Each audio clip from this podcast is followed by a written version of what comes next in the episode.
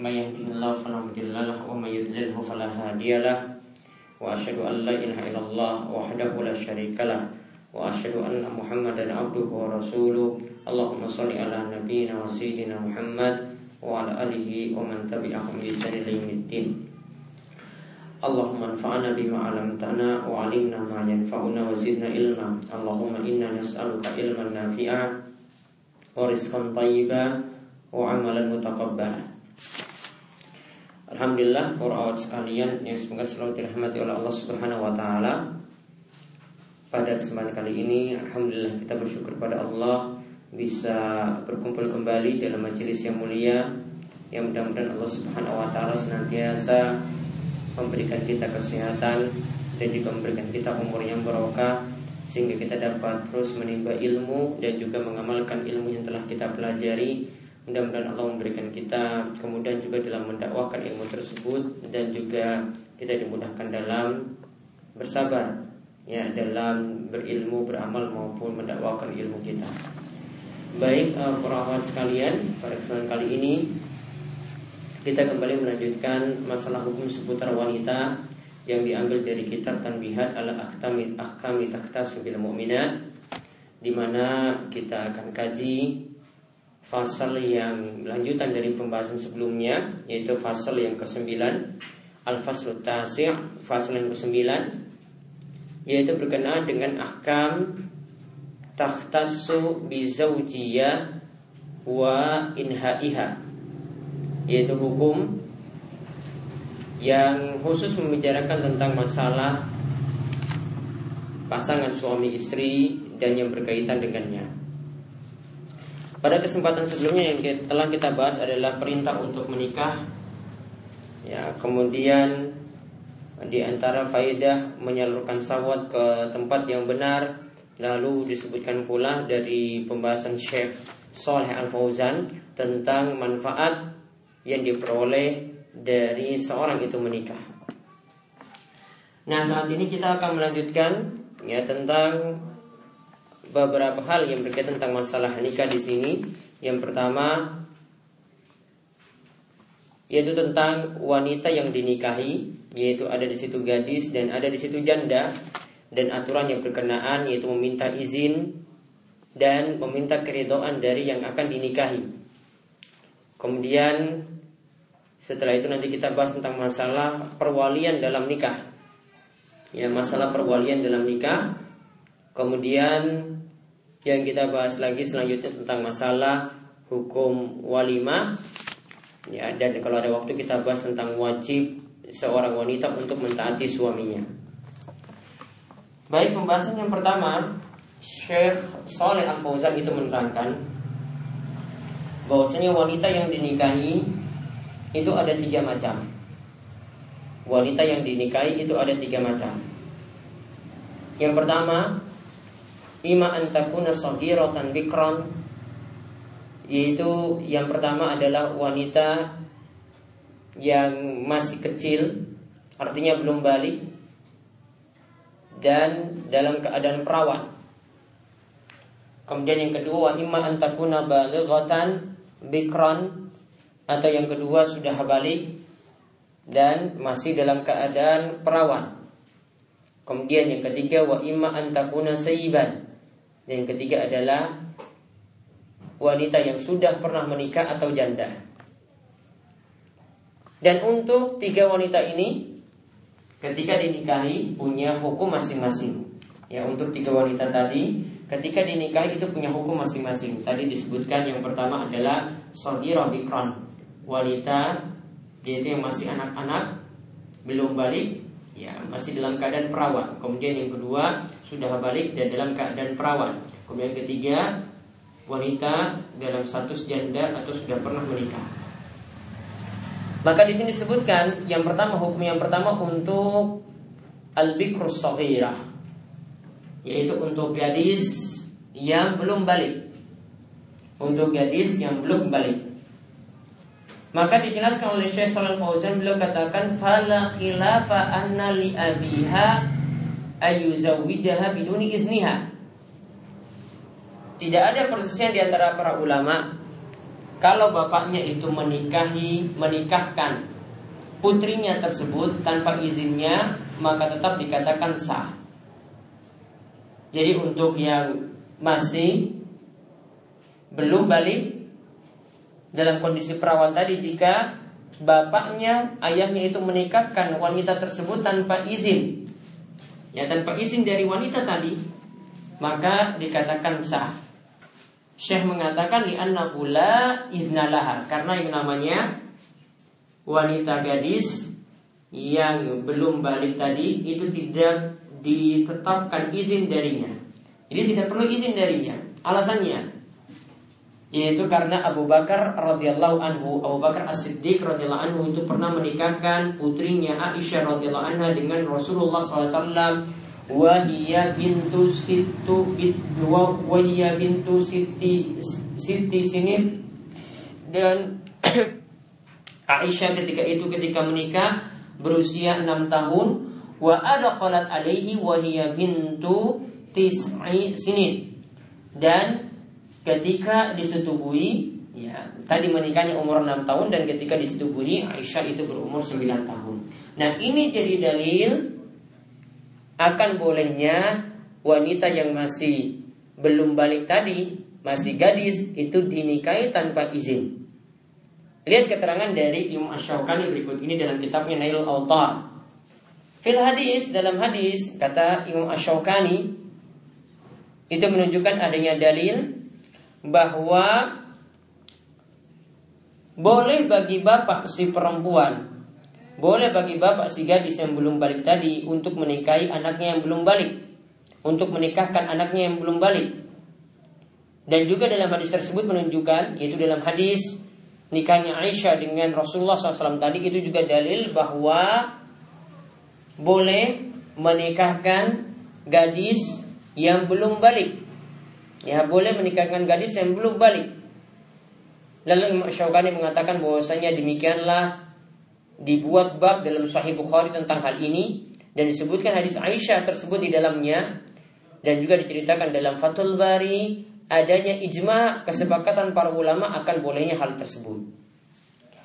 Juga dalam Al-Mughni disebutkan perkataan dari Ibnu Munzir bahwasanya Ibnu Munzir mengatakan bahwa ajma'a kullu man nahfazu anhu min ahli ilmi anna abi ibnatahu as-saghira jaizun idza zawwajaha min kufu'in.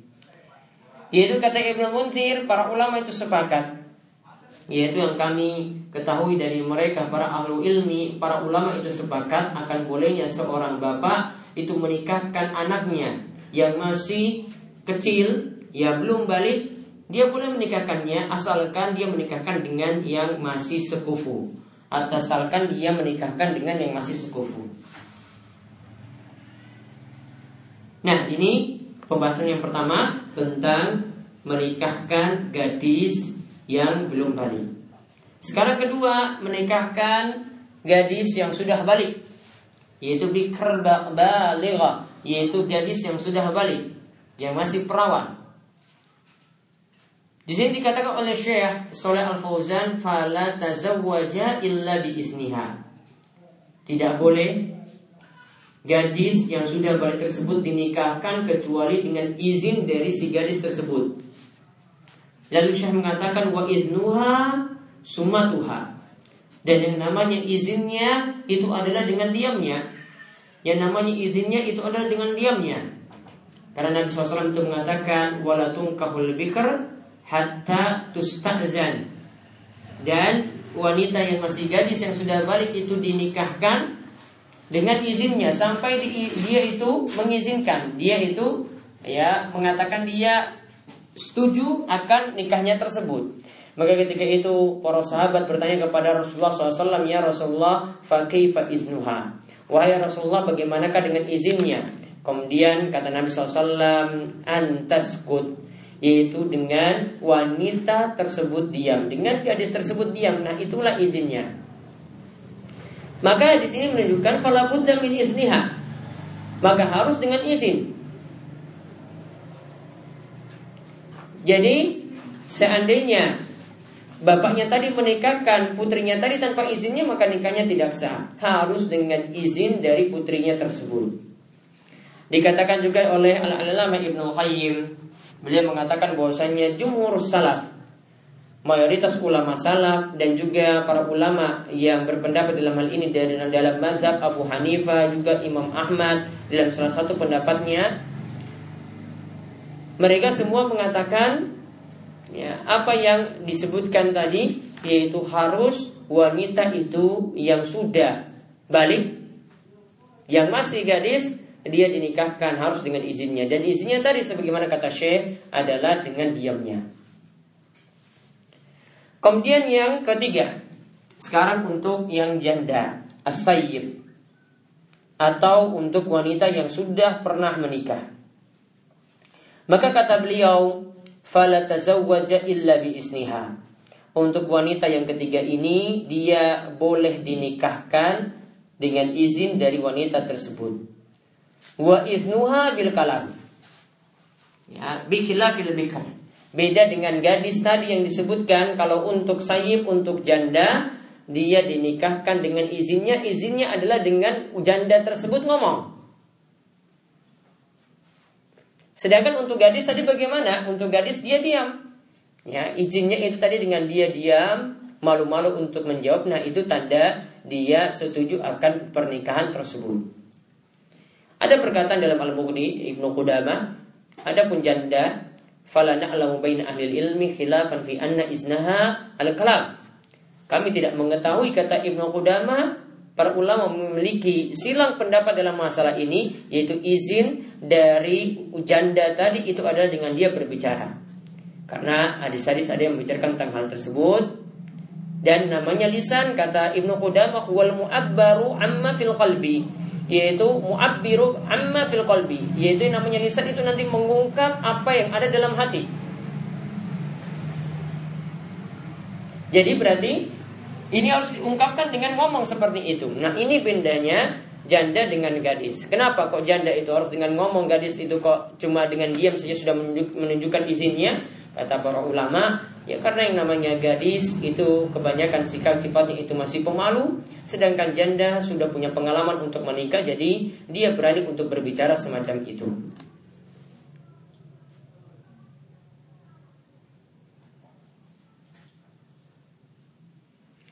Nah sekarang uh, para ulama bersih pendapat Tentang izin Yang disebutkan tadi apakah wajib ataukah sunnah yang tepat di sini kata Syekh Shalal Fauzan beliau katakan izin dari si wanita itu adalah wajib. Yaitu wali dari wanita tadi hendaklah dia itu bertakwa kepada Allah. Ketika dia ingin menikahkan putrinya maka dia harus meminta izin pada putrinya tadi. Kemudian dinikahkan dengan orang yang sekufu. Ya bukan dengan orang yang tidak sekufu. Dia berusaha untuk mendapatkan orang yang sekufu. Jangan kata Syekh Shalal Fauzan di sini bapaknya tadi dia menikahkan ya bukan mempertimbangkan maslahat dari anaknya putrinya namun dia mempertimbangkan maslahat untuk dirinya. Karena dia melihat kalau nikahkan dengan laki-laki semacam ini bapaknya nanti akan mendapatkan keuntungan akan mendapatkan bagian yang besar dari harta calon dari suaminya tadi ya. Hendaklah ini kembali kepada maslahat yang ada pada wanita. Jadi bukan yang ada pada bapaknya. Jadi mempertimbangkan maslahat yang ada pada putrinya Nah itu tentang tiga wanita tadi yang dinikahi. Jadi ada gadis yang belum balik, ada gadis yang sudah balik, dan ada juga seorang janda. Ya, jadi hukum-hukumnya masing-masing khusus seperti itu. Kemudian sekarang tentang masalah wali.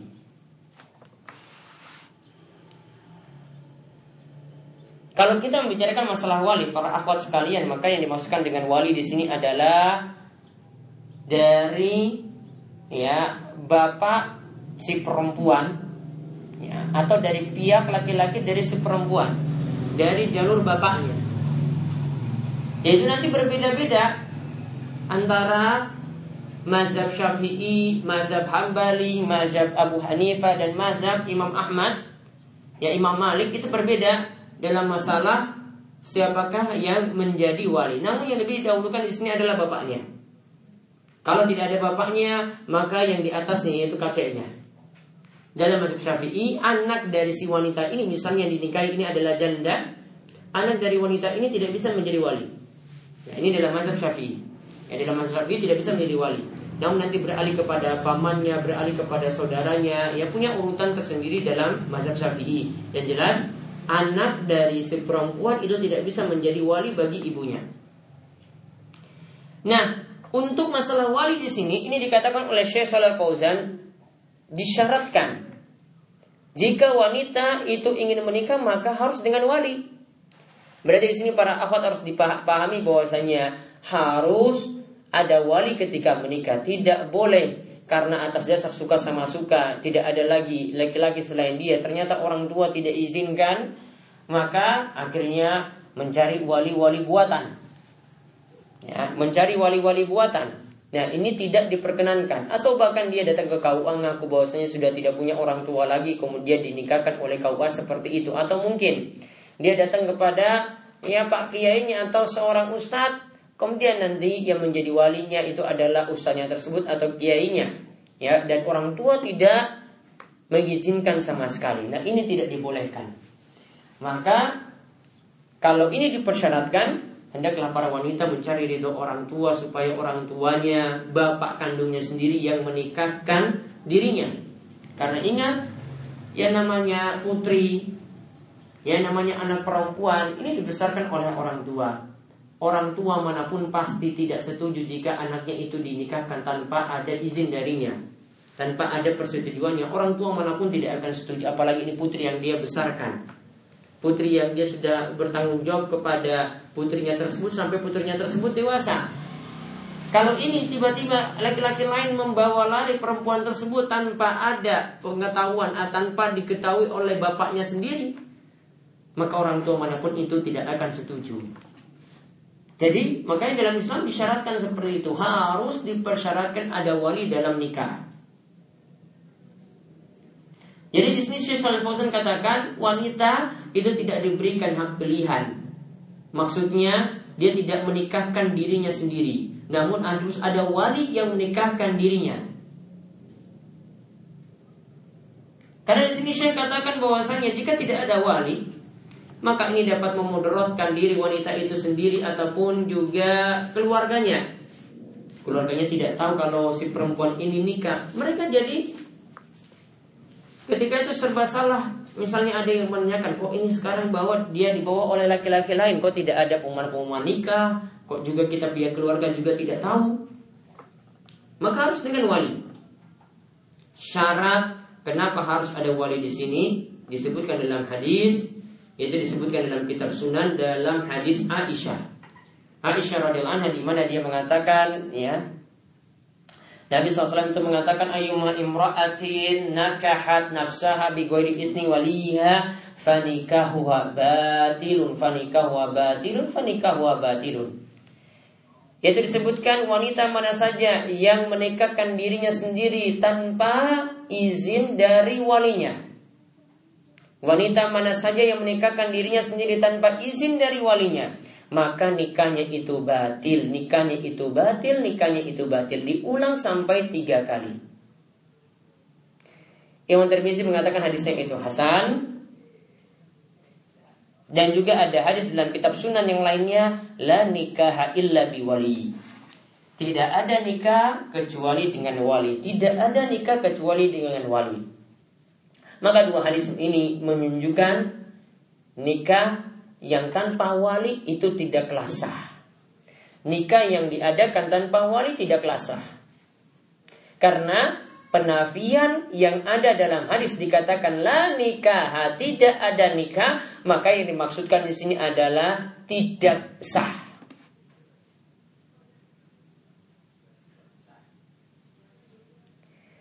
Dan Imam Tirmizi mengatakan bahwasanya ya para ulama itu mengamalkan hadis tersebut yaitu para ulama di antaranya itu adalah Umar, kemudian Ali, kemudian Ibnu Abbas, kemudian Abu Hurairah dan selainnya. Begitu juga para fuqaha dan tabi'in semua mengatakan ya bahwasanya jika nikah itu tanpa wali nikah tersebut tidak sah dan ini juga jadi pendapat dari Imam Syafi'i dan juga Imam Ahmad dan juga dari Ishaq.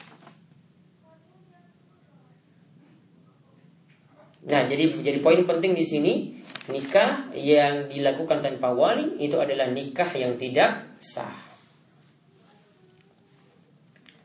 Nah, kemudian selanjutnya, nah setelah syarat-syarat tadi disebutkan di antaranya syarat seperti itu, lalu Syekh menyebutkan tentang masalah hukum memainkan duf rebana bagi wanita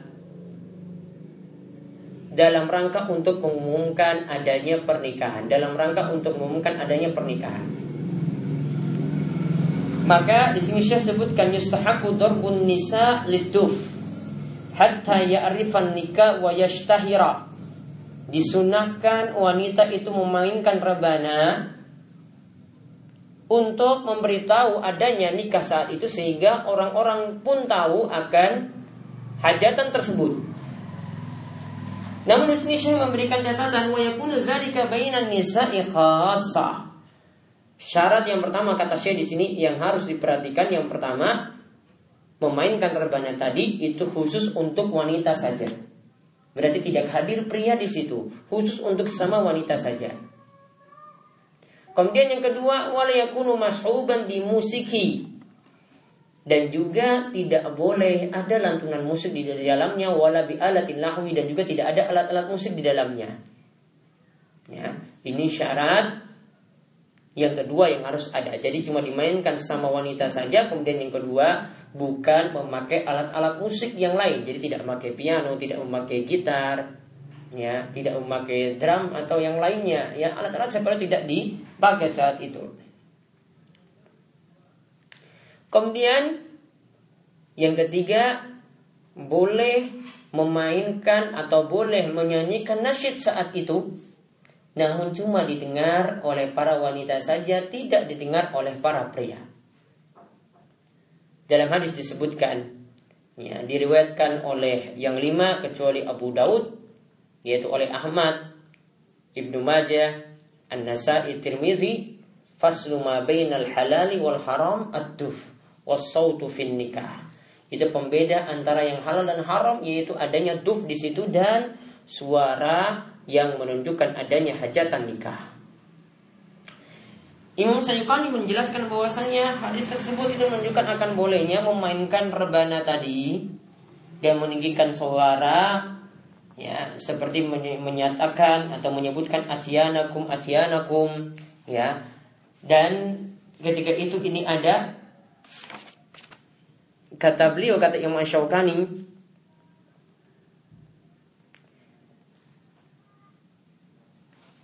Tidak di sini menggunakan alat-alat malahi, alat-alat musik. Alat-alat musik di sini diharamkan pada acara nikah dan di luar nikah juga kata beliau itu diharamkan. Jadi yang cuma dibolehkan adalah cuma dengan duf tadi tidak dengan menggunakan alat-alat yang lainnya. Kemudian beliau ingatkan lagi di sini yang berkaitan dengan masalah walimah di sini.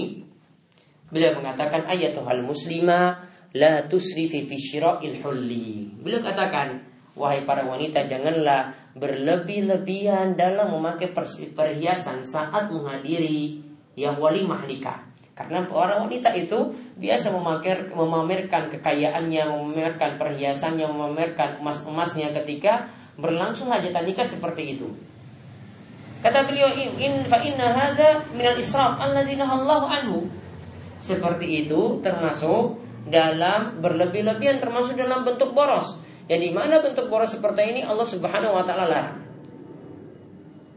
Dan Allah tidak menyukai orang-orang yang boros seperti itu sebagaimana yang Allah Subhanahu wa taala katakan, Allah berfirman wala tusrifu innahu la yuhibbul musrifin. Janganlah kalian itu berlebih-lebihan karena Allah tidak menyukai orang berlebih-lebihan atau orang yang boros. Maka beliau mengatakan alaiki bil iktidal wa tarkul mubaha. Hendaklah para wanita itu bersikap sederhana, pertengahan dan jangan saling untuk menyombongkan diri ketika itu. Nah ini tentang masalah ya ketika berlangsung walimah nikah maka wanita itu boleh memainkan duf ketika itu namun justru sama wanita dan menghindari alat-alat musik ketika itu. Kemudian yang terakhir yang kita bahas adalah kewajiban seorang wanita untuk mentaati suaminya dan tidak bolehnya diharamkan wanita keluar dari ketaatan kepada suami. Kita lihat sebagian dalil dalam hal ini. apa yang menunjukkan dalil mana yang menunjukkan bahwasanya seorang wanita itu harus taat kepada suaminya. Syekh katakan bahwasanya wajib bagi engkau wahai wanita untuk mentaati suamimu bil ma'ruf untuk hal-hal kebaikan. Jadi selama itu bukan maksudnya hendaklah wanita itu mentaati suaminya apalagi yang diperintah adalah amalan wajib. Misalnya wanita diperintahkan untuk berjilbab, tidak tabarruj, ya, atau suaminya menyarankan sudah kamu tinggal di rumah saja tidak usah kerja di luar rumah. Suami biar mencari rezeki. Maka ketika itu istri harus taat pada suaminya.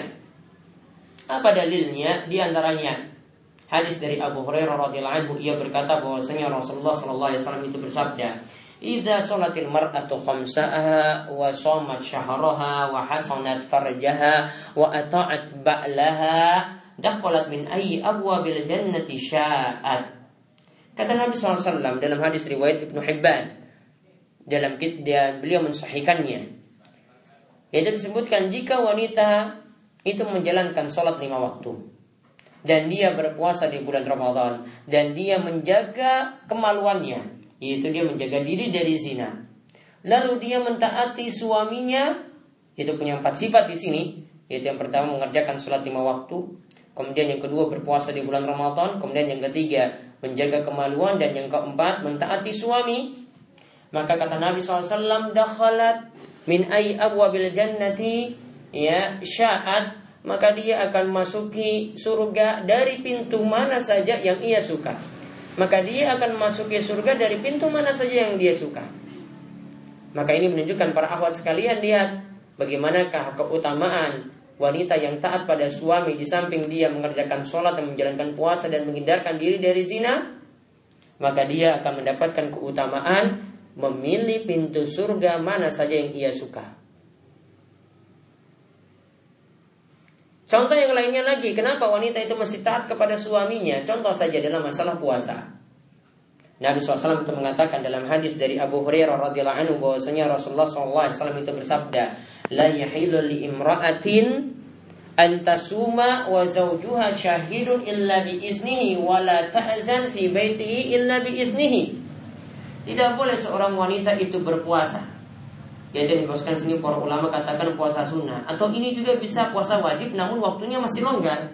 Misalnya kodok puasa namun kodoknya bisa di hari yang lainnya. Di sini Nabi SAW katakan hendaklah wanita itu berpuasa dia ketika itu minta izin pada suaminya saat suaminya itu ada.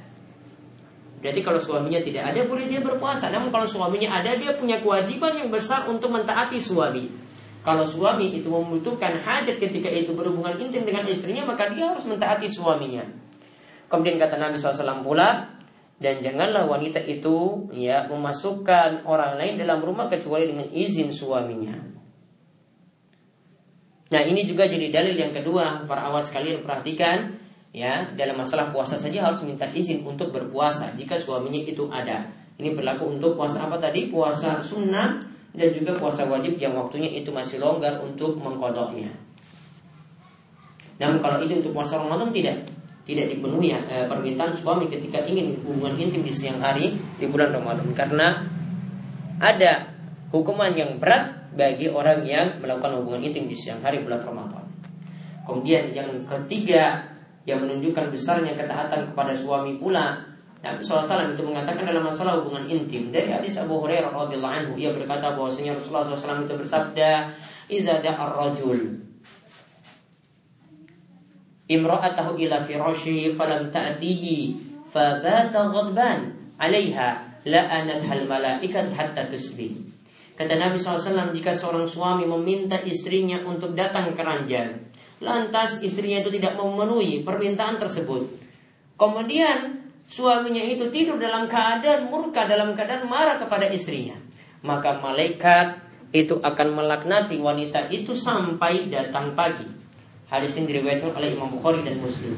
Kemudian juga ada hadis yang lainnya kata Nabi SAW wallazi nafsi ma min rajulin yadu atau ila firashihi demi jiwaku yang berada di tangannya jika ada seorang laki-laki itu seorang suami meminta istrinya untuk datang ke ranjangnya fata'ba alaihi lantas wanita tersebut enggan memenuhi permintaan suaminya Kalau dia mampu untuk memenuhi hajat tersebut bukan karena sakit, bukan karena ada kebutuhan yang lebih penting.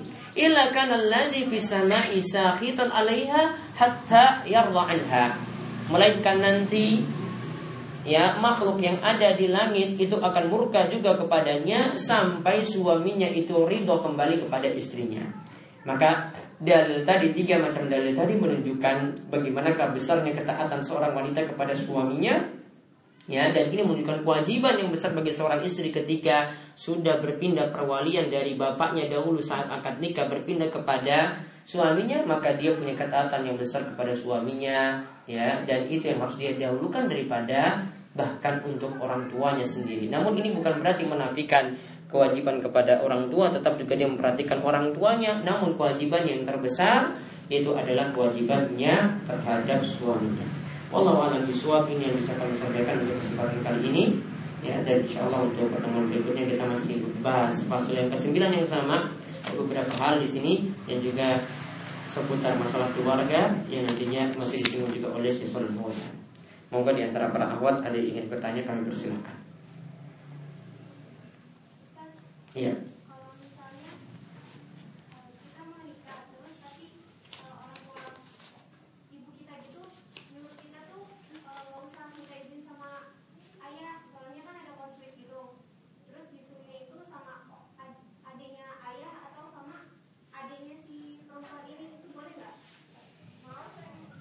Tentang wali yang namanya wali harus meminta izin kepada wali yang ada yang punya tingkatan yang paling tinggi yaitu orang tua. Yaitu wanita tersebut harus minta izin pada bapaknya walaupun ada permasalahan dengan ibunya. Wali dipersyaratkan seperti itu.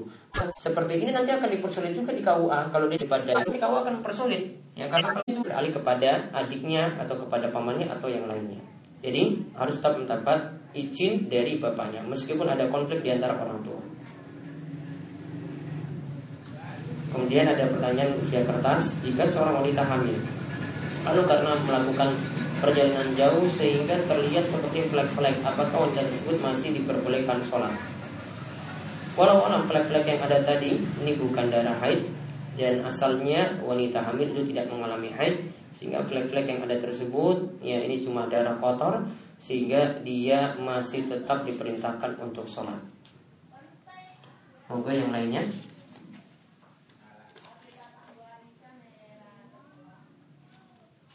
Baik, mana yang lebih baik?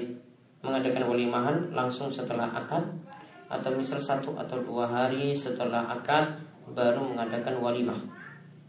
Apa hadis-hadis yang mengatakan mengenai hal itu? Baik, yang lebih bagus ya Walaupun hadisnya tidak secara tegas, namun asalnya yang namanya walimah itu setelah adanya hubungan intim antara pasangan yang baru menikah. Sehingga yang paling bagus ya diadakan akad dulu sebelumnya, ya baru satu atau dua hari setelahnya diadakan walimahan dan walimahan itu artinya untuk mengucapkan selamat atas hubungan tersebut. Ya, Allah ini yang dimaksudkan dalam Eh, hadis-hadis dan itulah yang dapat kita lihat dari perkataan para ulama. Bisa melihat dalam fikih-fikih mazhab, kita fikih mazhab, terutama Nabi Suja juga menyinggung tentang masalah tersebut.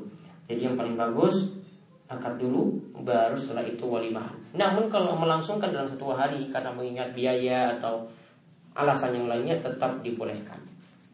Ada lagi monggo? Ya.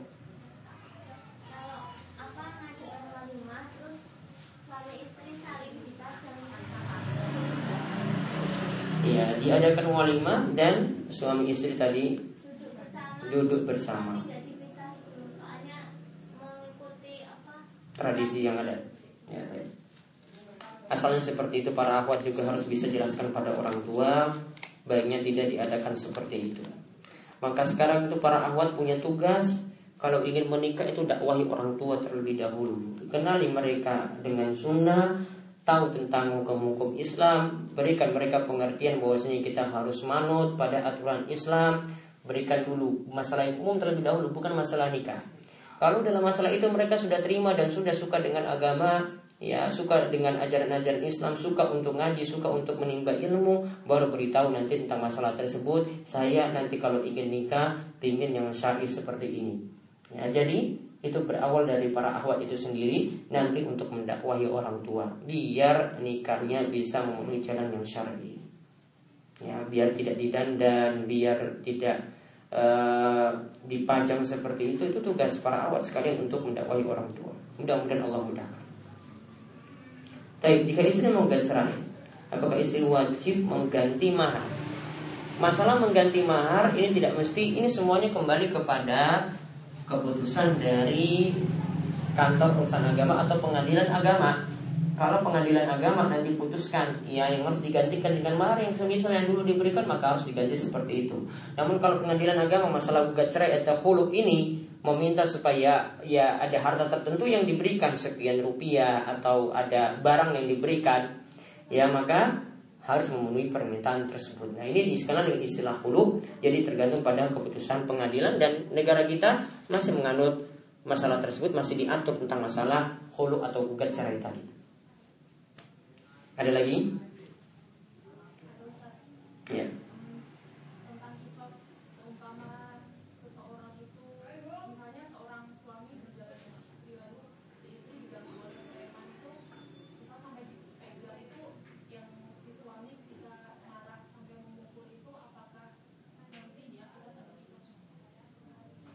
Baik. Kalau yang dimaksudkan sini membela diri, ya, dia membela agar istrinya itu tidak diganggu tadi oleh preman atau oleh perampok atau atau oleh uh, begal misalnya, maka ketika itu kalau tujuannya membela diri, maka tidak ada tidak ada hukuman uh, kisos, ya. Tidak ada hukuman kisos Bahkan kalau sampai yang rampok atau yang ganggu tersebut mati Dia bisa dikatakan mati syahid karena gara-gara ketika itu membela diri namun kalau dia lakukan berlebihan, ya misalnya uh, tidak sampai diganggu, ya, ya tidak sampai diganggu, kemudian sampai dia main pukul misalnya, cuma mungkin siul-siul, ya maka mungkin cuma dia lakukan ketika itu nasihati saja, tidak sampai memukul orang yang mengganggu seperti itu. Jadi dilihat tergantung tingkatannya, ya. Kalau sampai ingin membela diri karena ketika itu ingin dibunuh atau ingin dirampok, ya maka ketika itu tidak ada masalah ketika dia membela diri semacam tadi. Namun kalau dia lakukan berlebihan, maka itu baru tidak dibolehkan. Ada lagi?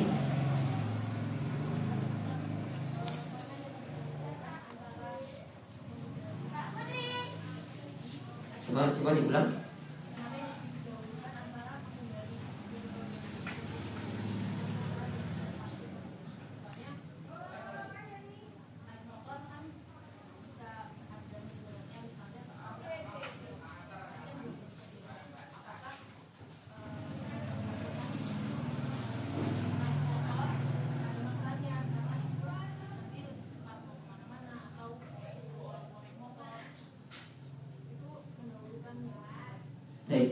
Coba diulang atau gangguan tadi dengan motor.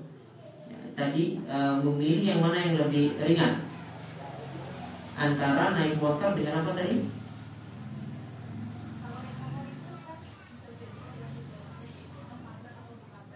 Iya, terus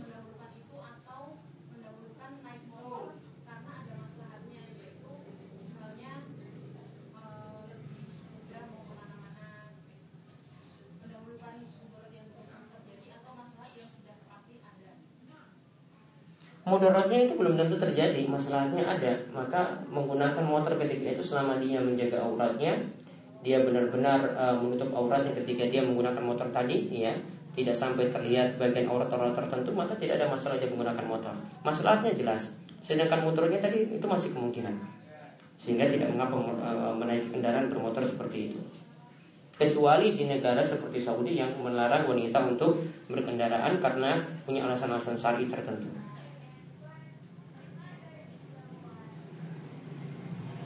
Berarti nggak boleh mengadakan menyetel nasyid di walimahan meskipun di dalam nasyid itu tidak ada alat musik. Apakah tidak boleh juga? Walau alam kalau nasyidnya itu uh, suara wanita maka cuma untuk suara untuk sesama wanita saja. Namun kalau nasyidnya itu uh, pria maka walau alam ya masih dibolehkan ya ketika itu di uh, di style atau diputar. Namun kalau untuk wanita cuma suaranya didengar oleh wanita saja.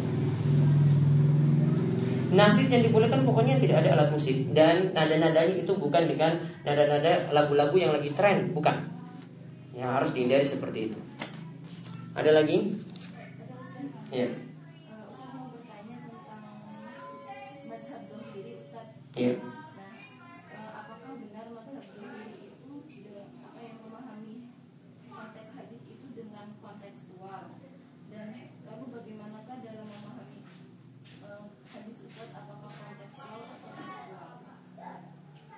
Intinya mazhab Zohiri uh, Sebagian ulama itu memasukkannya dalam uh, Empat mazhab yang terkenal. Artinya ini masih dianggap mazhab yang kelima Dan ada yang tidak memasukkannya. Intinya mazhab Zohiri punya Dalam masalah usul fikih Itu punya prinsip yang berbeda. Mereka terlalu ya tekstual memahami hadis. Ya sampai terlalu saklek. Artinya sampai tidak mungkin ada kias sampai tidak mungkin kita menyamakan suatu masalah dengan masalah yang lainnya karena monoton dengan dalil semacam itu. Sampai misalnya ada karena memahami secara secara monoton seperti tadi ya sehingga memahaminya juga kadang tidak sesuai dengan apa yang Nabi SAW contohkan. Contoh misalnya Ibnu Hazm. Itu uh, kita sudah bahas masalah haji kemarin. Untuk masalah sa'i misalnya kita melewati sa'i itu dari Sofa ke Marwah itu sampai tujuh lintasan. Ya. namun karena Ibnu Hazm itu tidak pernah naik haji. Maka dia ketika itu memahaminya yang dimaksudkan adalah tujuh putaran. Jadi nanti yang terjadi adalah 14 kali lintasan. Ya, 14 kali lintasan. Jadi dua kali lipat dari itu. Ya, makanya ketika memahami seperti tadi, ini kadang juga jauh dari tuntunan Nabi Shallallahu Alaihi Wasallam sehingga uh, yang benar ya atau yang selamat kita tidak terlalu monoton dengan pendapat dari tidak kita tidak terlalu mengikuti dalil secara monoton seperti yang dilakukan oleh mazhab Zuhairi harus mempertimbangkan adanya kias ada harus mempertimbangkan adanya ijma pemahaman dalil dengan memahami usul fikih secara benar. Nah harus memahami seperti itu. Artinya dari beberapa sisi, pendapat Zuhairi memiliki berbagai macam kelemahan dan bahkan ada beberapa pendapat mereka yang jauh menyelisih pendapat mayoritas ulama yang dimiliki oleh ulama-ulama.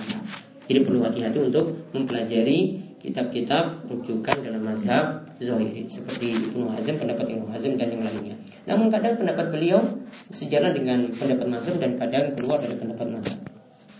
Walau alam bisawab itu saja yang bisa kami sampaikan mudah-mudahan bermanfaat. Subhanakallahumma bihamdika asyhadu an la ilaha anta astaghfiruka. Assalamualaikum warahmatullahi wabarakatuh.